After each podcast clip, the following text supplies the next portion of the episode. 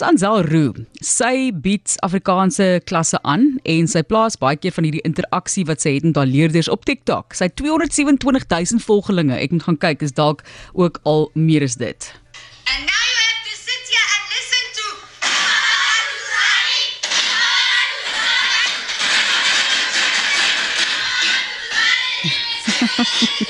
to.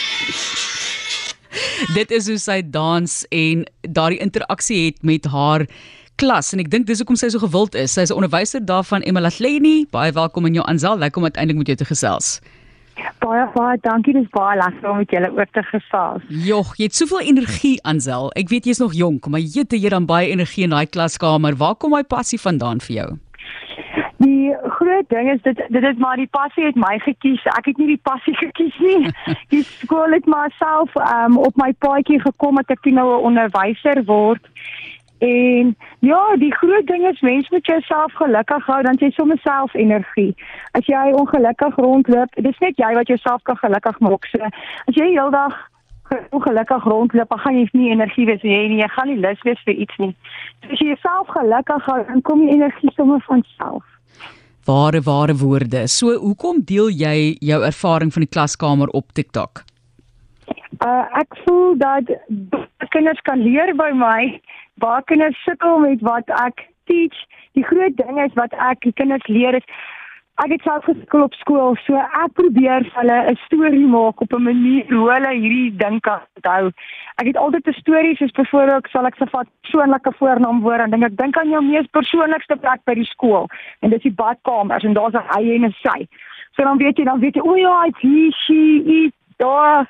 So dit so dis altyd maar 'n storie wat ek vir hulle maak dat hulle dit moet onthou. Die kinders sukkel maar net van die kinders wat op skool gee se ouers is nie eens Afrikaans nie. So kan hulle self nie eens help met hy sterk of iets soos dit nie. Ek kan nie vir sê aande laat dat ek al op WhatsApp gesit het wat ek die kinders help nie.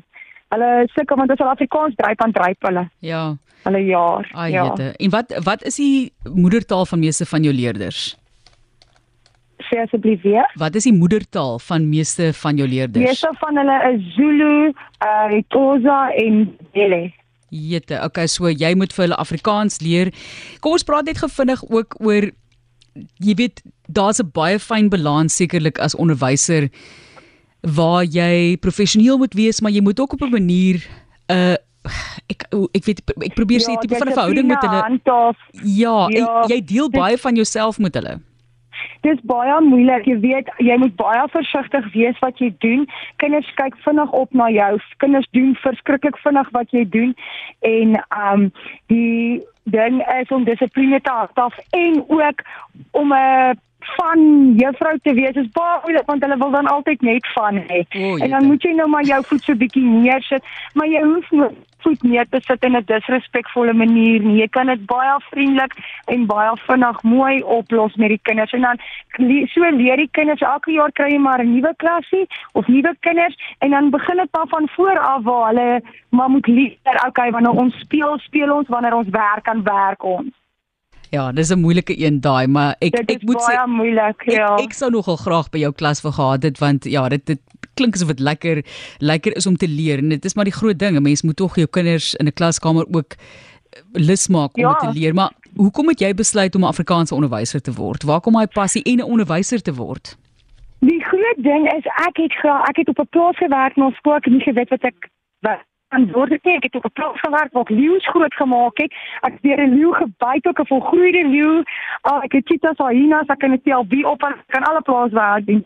En ek het toe gesien nee, maar ek wil my eie huis hê en ek wil my eie kar hê en die ou vir week gewerk het het my toe laat begin swat en dit ek van Tabazimbi van toe getrek het ek eers by by 'n skrapjaar gewerk toe het ek al 2 jaar onderwys swat agter my. En toe ek nou net by skool aan sê ek gedoen, my een vriendin het vir my gevra, "Wil jy nie werk by 'n skool hê nie?" En ek het vir ja asseblief en sy het my CV ingestuur en so het begin.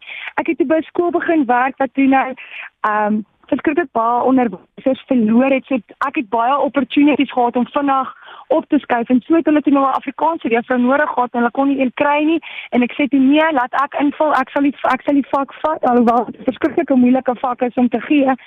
En toe ja, so dit net van daar af toe bly ek nou maar by Afrikaans. So het ek al so by die grade opgeskuif van graad 4 tot 6 toe. Fantasties is dit. Ons gesels met 'n onderwyser wat Afrikaanse klasse gee en sy plaas baie daarvan op TikTok en groot groot volgeling opgebou oor die jare Ansel Roo. Ansel, kom ons praat jy gevinnig oor daai volgelinge. Is jy verbaas met hoeveelheid mense wat jou volg want ek dink daar is ook 'n vlak van nasiebou wat 'n mens ervaar deur hierdie inhoud wat jy deel. Groot volgelinge en wat s'ie terugvoer? Ek is baie ek het glad nie dit beplan nie. Ek wou maar eintlik net ek weet nie ek het baie onderwysers gesien hulle goeders op post op TikTok. Ek dink ek ag nou kom ek doen dit ook en dit het toe nou net self ek het dan my eerste video wat viral gegaan het.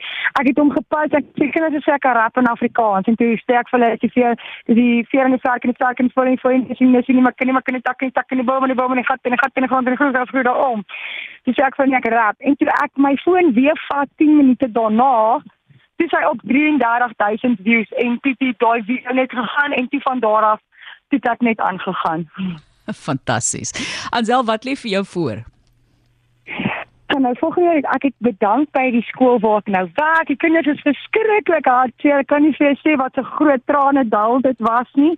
Maar ek gaan online kinders help en ek gaan kyk of ek nie dalk my kennis meer dalk kan uitsit by meer kinders as wat ek nou net by 100 kinders sien of maar dit doen by een skool nie.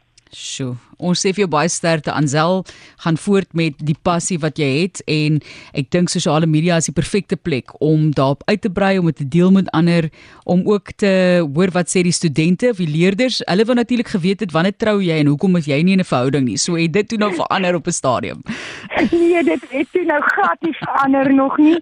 Ek is ek sê maar altyd vir hulle want ehm um, die Here het nog eens my die regte man gestuur. Ja, ek ek grap altyd as ek vir my man maak nog 'n 'n biljoen rand dan kom hy. Gaan maak geld meneer geld. Vir ons sê vir jou baie dankie. Ja, ek gaan geld maak. Asai.